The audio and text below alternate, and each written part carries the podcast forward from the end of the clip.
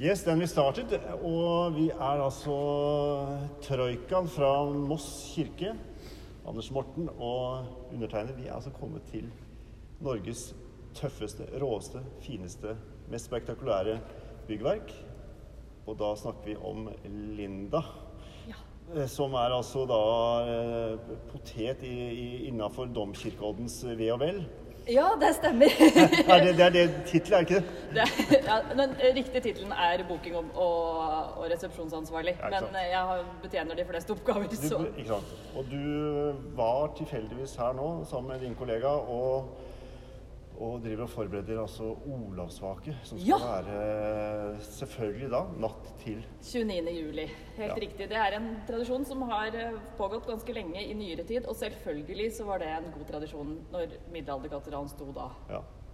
Går det an å tease liksom litt om opplegget? Er det, er det hemmelig? Eller sånn Nei da, det er ikke hemmelig. Det er, det er litt sydover samme lesten. Det starter med en eh, vandring Fra? eh, fra Vang kirke og inn til Domkirkeodden. Sju Ja. kilometer Ja.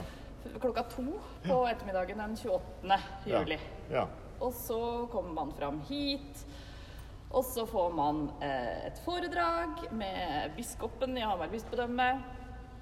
Og det er gudstjeneste, en økumenisk gudstjeneste her inne. I Hamardomen, som vi kaller det her på folkemunne. ja. Og så blir det en konsert konsert med Narum fra gærne side, er det lov å si det? Morten er enig. Da Flott søsken, eh, musikalsk søskenflokk fra, Ja. fra Toten. Ja. Og så er det da Olavsvaka til slutt, der vi har fått inn et uh, fantastisk kor ja. for, eh, for anledningen i år. Så det vaka år kommer til å bli helt magisk. Men det er gjennom hele natta, ikke sant? det er gjennom hele natta. Det Åh. starter med stille ti klokka 11 på kvelden, og så er det tidebønner hver time og, Ja. vake da. Så tar man med seg eh, liggeunderlag versus hengekøye versus sovepose, eventuelt alt. Gjerne alt. Eh, og termos, mat. Og ikke så veldig mye mat og drikke, for at uh, ruinen er eid av Riksantikvaren. Yes, det var det jeg ville fram til. Ja, og det er, Det er kun sånn- lov å drikke vann her inne. Ja, Det er ikke medbrakt lommelerke, f.eks. Definitivt ikke medbrakt lommelerke. det. Ja, da fikk vi avklart det. Da, Og mat og drikke kan man gjerne ta med, men da tar, den, eh, tar det kvarter spise på plenen ute. Da må man spise utenfor. Ok, men det er kjempefint. Og det er åpent, det er ikke påmelding og sånn? Eller er det kanskje det? Eh, Det vil jo være bil- billettsalg på foredraget og konserten, Ja. men resten av uh, Ja. Olsak-arrangementet er, er gratis. Og nå skal da Morten, eh, som er den yngste av oss, huske hvilken nettadresse de skal gå inn på for å få mer informasjon. Ja, da skal de gå på W ganger 3 domkirkeodden.no slash olsokkfeiring. Ikke sant? Og de som ikke fikk den helt med seg, så skal vi legge ut dette på vår eh, Facebook-side, eh, som da heter Pilegrim. Det er like langt. Pilegrim 2021, Oslo-Trondheim. On the road again. Se, Husker dere det nå? Nei. Eh, kjempefint. Nå følte jeg liksom plutselig at jeg sto i et veldig klenodium her. Og det, dere som jobber her, vet jo sikkert hva det er. Det vet sikkert også du som er uh, sjølveste pilegrimspresten her i området. Lars Erlend. Som, eh, du, du bor jo ikke egentlig i Hamar, men du sa ja med det samme jeg spurte, om du har lyst til å komme og møte oss? Ja, jeg bor jo i Hamar bispedømme. Ja, ja ikke sant? Det er, liksom, Ikke sant? det er sånn vi tenker når vi jobber i bispedømmesammenhengen. Alt er, dette Ja. er Hamar, vet du, men eh, Ja. Hamar by bor jeg ikke i. Jeg bor Nei. i Brumunddal. Ja. Selvfølgelig langs pilegrimsleden. Selvfølgelig langs pilegrimsleden. Og så er det jo fredag, er det ikke det? Så det er en normal arbeidsdag. Ja, det er det visst. Og vi er på jobb òg, selv om vi går. Faktisk. Så ja, det er strålende. Men denne, denne døpfonten her, da. Ja, Den tror jeg skal overlate til Linda å fortelle. For den står noe med detaljer om, for det 1200-tallet, altså. Bedre enn meg. Ja, det er en, en klebersteinsfont Ja. med veldig sånn typisk, eh, typisk bordmønster på. Ja. Det morsomme med den, altså den hører egentlig ikke til her, den er museet sin. Oh, ja. Eh, sto i magasinet, den hører egentlig til Ottestadkirka. ja. Uh, og den ble faktisk gjenfunnet i en utedo på en gård Ah, i Stange. Så den har vært brukt til alt mulig rart, men nå er den eh, renset og konservert og står da her i Hamardommen. Den er brukt til alt mulig rart. Det er et uh, tvetydig svar. Definitivt. Hvis det. Kjære vene. Ja, det er fantastisk at dere fant den. Ja, det syns vi òg. Så Morten, dette kommer fra ditt eget uh, barndomsrike. Ja, det gjør for så det. Ja, Men du er ikke døpt ennå, du? Jeg er ikke døpt igjen der, det kan jeg avkrefte med en eneste gang. Nei, men det er Men, min, eh, det er min stedatter. Ja. Hun ble døpt eh, Her? her i eh, mai eh, 2000. Å, fantastisk. Eh, det, og det er ofte som det, når det er dåpsgudstjenester her, det, det, har det, det har det vært mye av. Og det har gjerne vært ja. ganske populært. Da Ja. var det 12-13 barn som ble døpt. Ja, det tror jeg på. Jeg lurer på om det var noe av det første gudstjenesten var med, med den, altså. Ja, det, for at den skulle egentlig ikke inn her, den skulle få lov til å stå i magasinet. Men så var det barnebarnet til en av, en av de litt viktigere personene på museet som skulle døpes. Ja. Og da var det sånn, ja, men da henter vi opp en døpefont, og så får vi satt den inn i domen. Ja. Så. Jeg vil tro den er lite mobil. Den er veldig lite mobil. Så hvis noen kommer og sier at det er veldig fint hvis vi kan døpe barna, men jeg vil gjerne ha den foran, går det? Så Det sier går ikke. dere, Og det nei. er jo, altså Døpefonten sto rett innafor kirkedøra Ja, i, gal- sånn var det jo. gammel tid. Sånn var det jo. Fordi udøpte barna Altid. hadde jo ikke sjans. Ja, sånn var det. Det er et eventyr altså å være her. Og dette stedet Dere har jo Altså du har jo et sterkt forhold fordi at du jobber her hele tiden.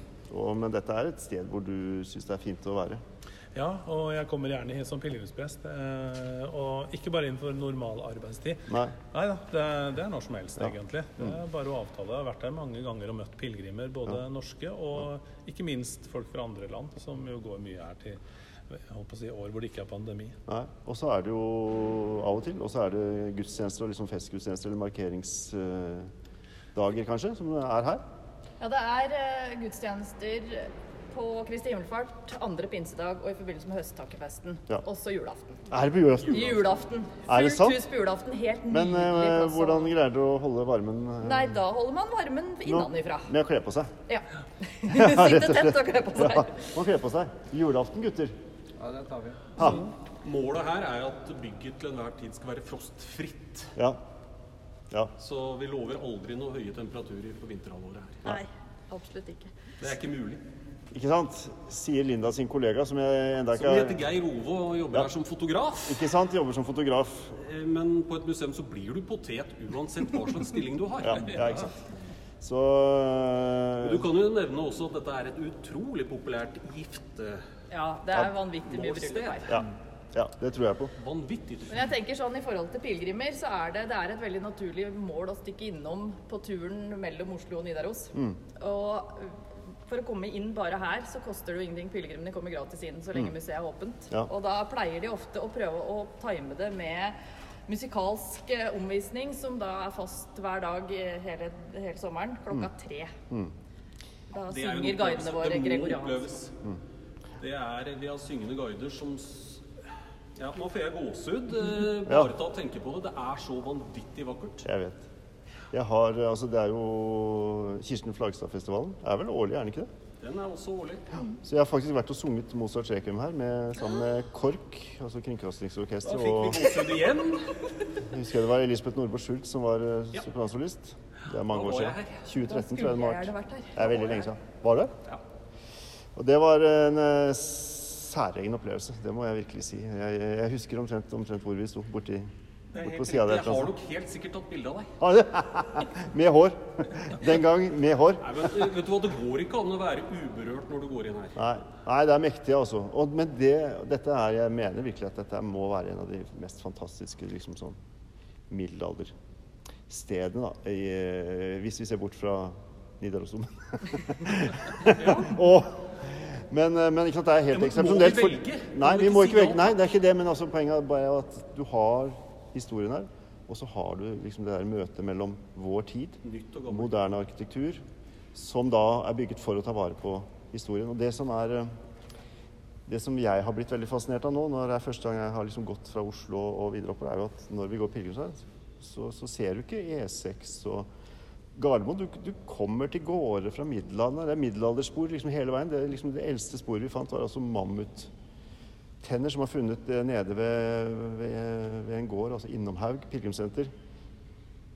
Som er tenner 40 000 år gamle mammuter som gikk fra Mellom-Amerika til Gudbrandsdalen for å beite. Det var pilegrimsvandring, det. Det var, eh, da, da får vi liksom vår tur litt sånn derre Ja, det blir, ikke, det blir ikke store turen, rett og slett.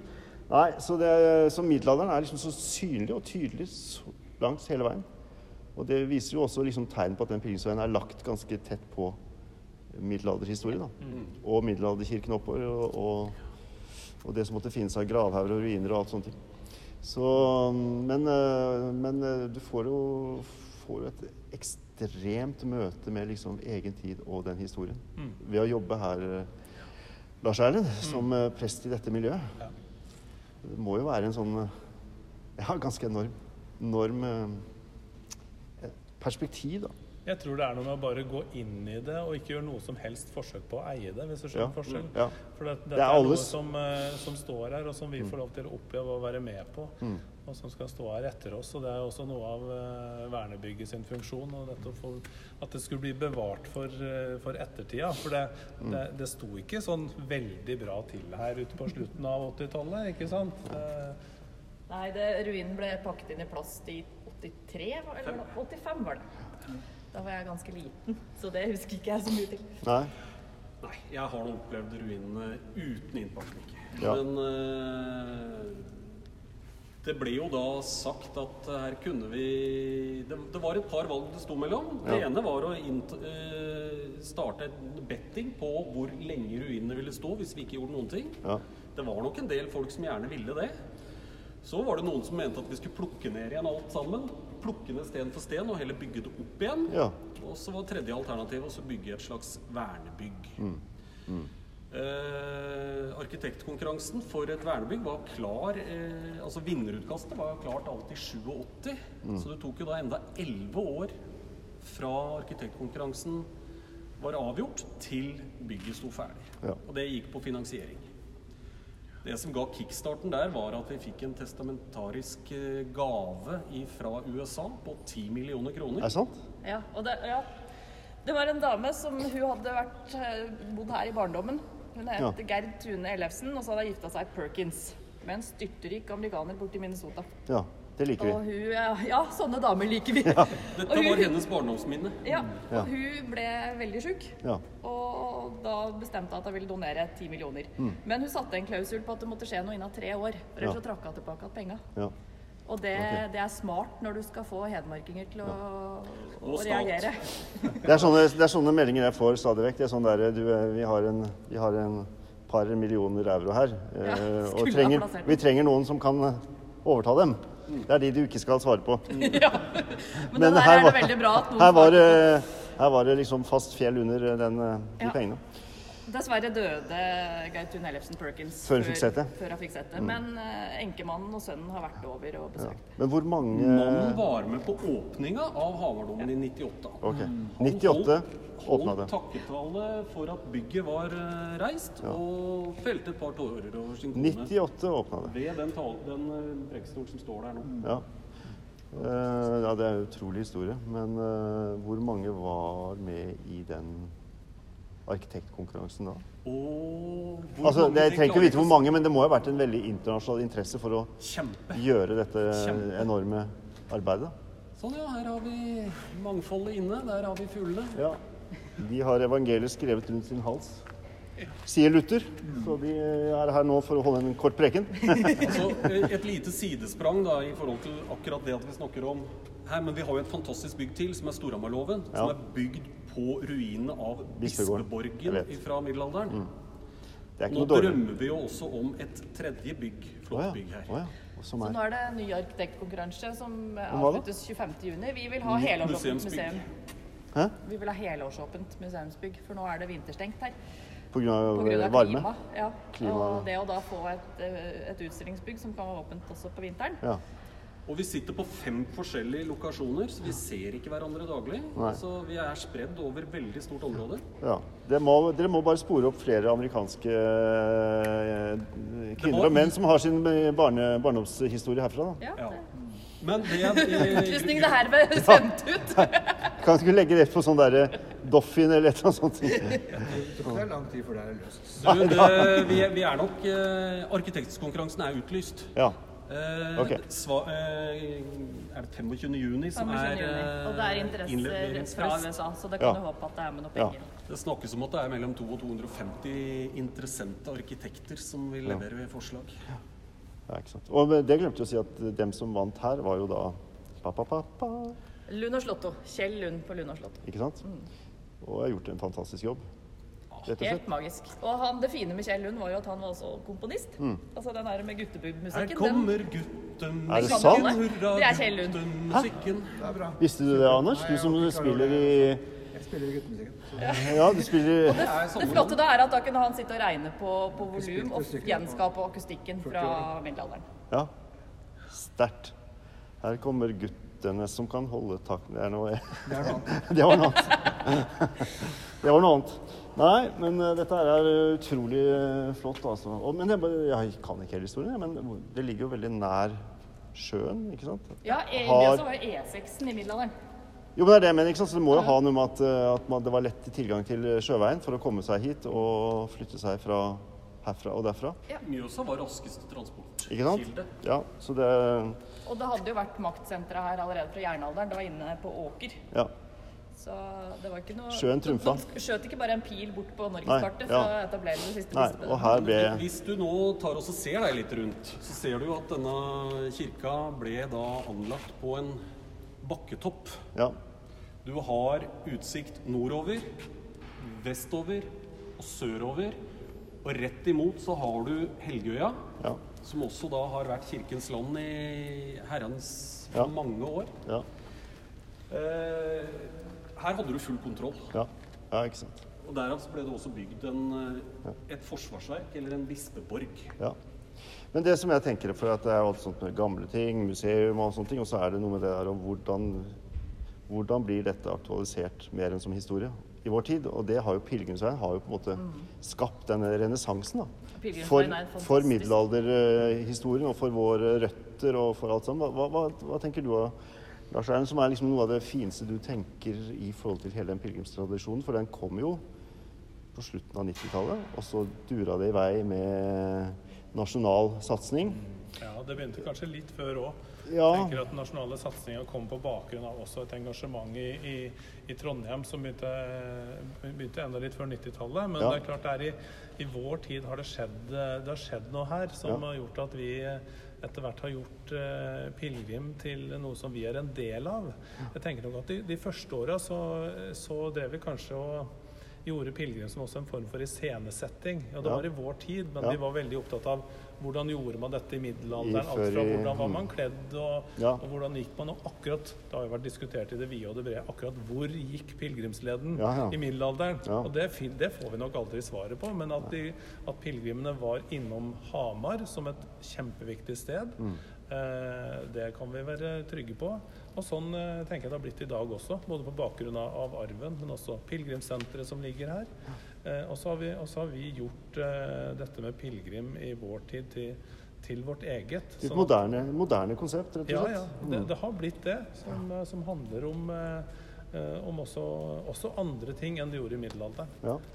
Ja, ja, absolutt. absolutt. Det er jo ikke, det er ikke for å gå til Trondheim for å Ja, men tror du ikke dette også har uh, framtvunget seg litt for å kompensere, motkompensere mot det stresset og maset Jo, det er det jeg mener. som vi Det er, det er en motkraft til eh, stress, mas, eh, altså alt eh, For å leve enkelt, da, ikke sant. Jo, men det er jo både mental og fysisk helse i Jo. å, å bevege seg rundt i. I naturen. Det har så mange aspekter, og det Altså, det begynte jo mer Det var liksom mer trøkk i Spania helt i starten. Og den kom jo veldig fort opp pga.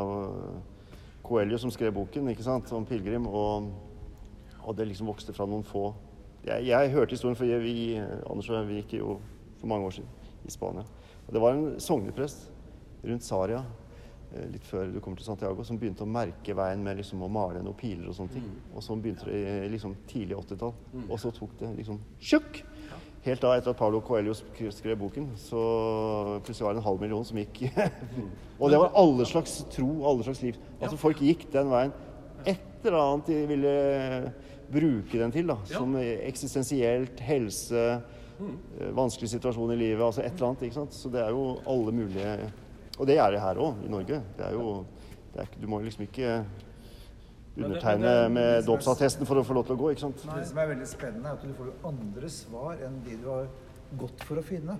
Ja. Altså liksom, Ja. den, den livsveien åpner helt andre perspektiver, og plutselig så er du et annet menneske, for du har vært innom noe hos deg sjøl som, som, som du kom i kontakt med. Det er et Det de- spennende perspektiv, syns jeg. Det de skjønte i Spania, var jo den tredelingen, altså hva som faktisk skjer. At den første delen når du begynner å gå, er at du Alt det du holder på med, da har på med, det begynner å liksom romstere i starten.